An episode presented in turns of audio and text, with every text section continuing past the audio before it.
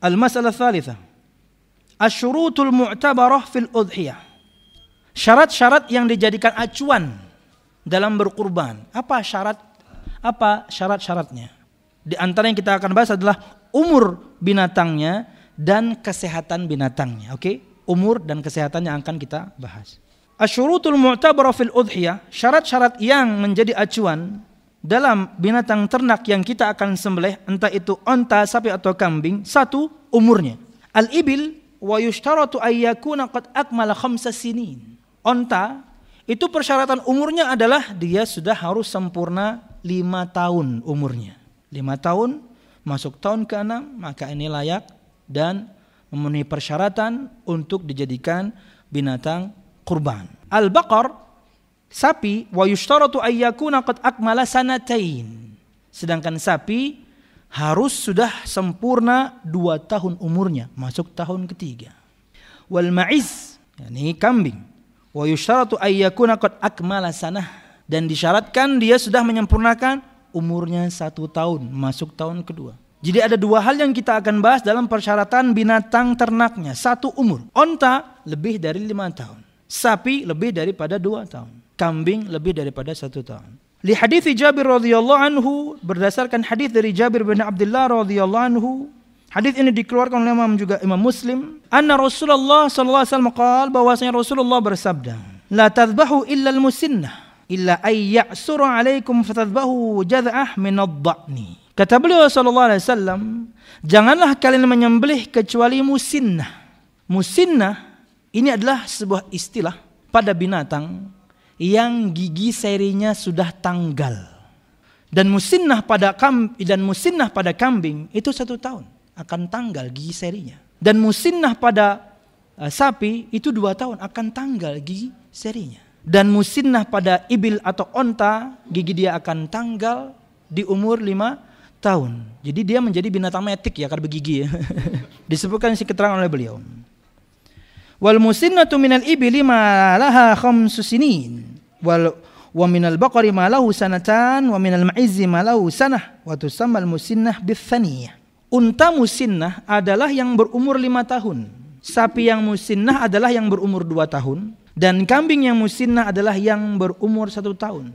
Musinnah disebut dengan yani saniyah, yani gigi seri, yang menanggalkan gigi serinya. Maksudnya musinnah itu yang gigi serinya sudah tanggal.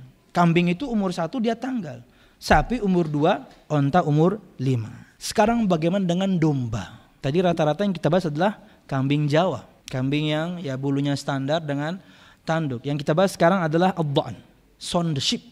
Kata beliau, Hafizullah Ta'ala, wad-da'an wa yushtaratu fihi al-jadha, wa huwa ma akmala sanah, wa kila sittata ashur. Domba itu disyaratkan berstatus domba jada. Apa itu domba jada? Yaitu yang sudah berumur satu tahun. Jadi untuk domba istilah untuk umur satu tahunnya bukan musinnah, tapi namanya jada. Tapi disebutkan dalam riwayat lain yang namanya jada pada binatang domba itu adalah setengah tahun. Disebutkan dalam sebuah riwayat dari Uqbah bin Amir radhiyallahu kultu dia berkata, "Ya Rasulullah asabani jadaun." Qala dhahi bihi.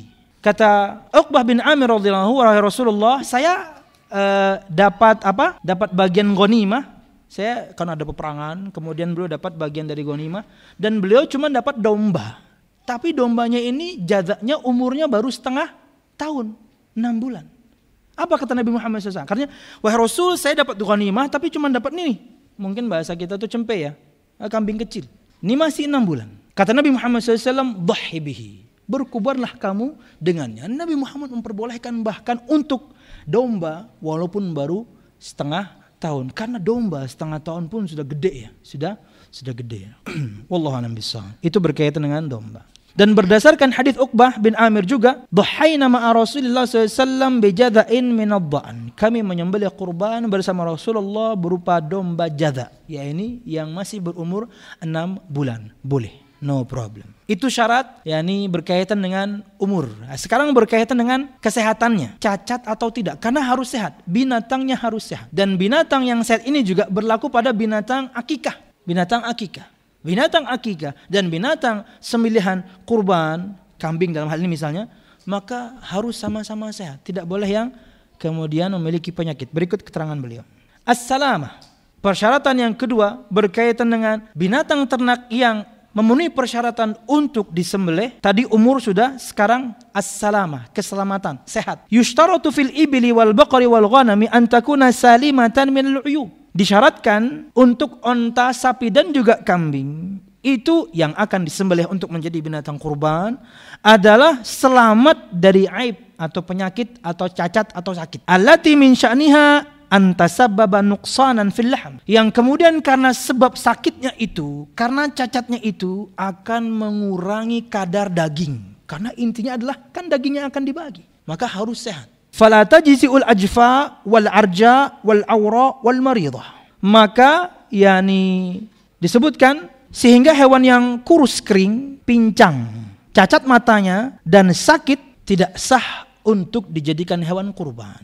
Dan cacat-cacat yang lain. Nabi Muhammad, kita akan sebutkan hadisnya, beliau menyebutkan cuma empat hal. Tapi cacat-cacat yang lain akan dinisbatkan kepada empat ini. Beliau menyebutkan kurus kering, kemudian pincang, kemudian cacat matanya buta, dan kemudian sakit Berdasarkan hadis dari Bara bin Azib radhiyallahu anhu, Nabi Muhammad SAW bersabda, "Arba'un la tujzi'u fil adahi." Ada empat kriteria hewan yang tidak sah untuk dijadikan hewan kurban. Kata Nabi Muhammad SAW, "Al-awra'ul bayyinu awruha." wal maridatul bayyinu maraduha wal arja'ul bayyinu arjuha arajuha wal ajfa'ul lati la tunqi Empat kriteria hewan yang tidak sah di dalam hewan kurban. Gak boleh ada cacat ini. Dan cacat-cacat yang lain akan dinisbatkan, dikiaskan dengan empat hal ini. Satu, hewan al-aura al-bayinu auruha. Hewan yang buta sebelah, yang jelas butanya. Ya hilang atau apalah gitu ya. Hewan sakit yang jelas sakitnya.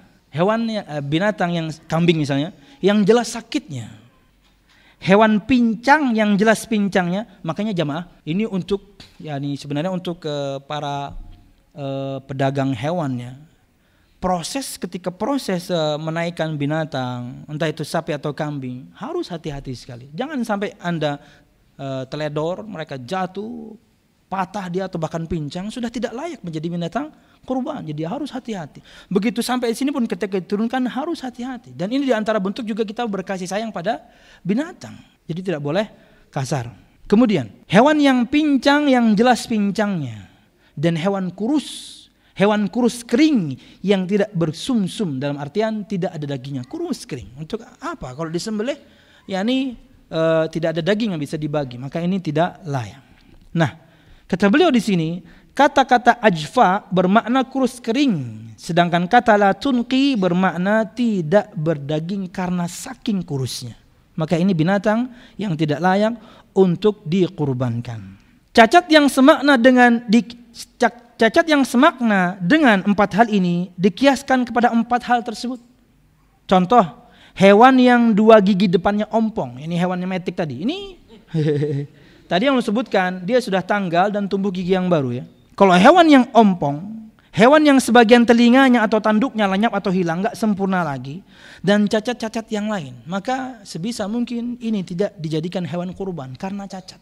Ada mungkin sebagian orang itu e, memberikan apa label pada binatangnya itu di telinga, tapi bisa jadi mungkin telinganya bisa himpal ketika tandanya itu diambil. Ini nggak nggak boleh.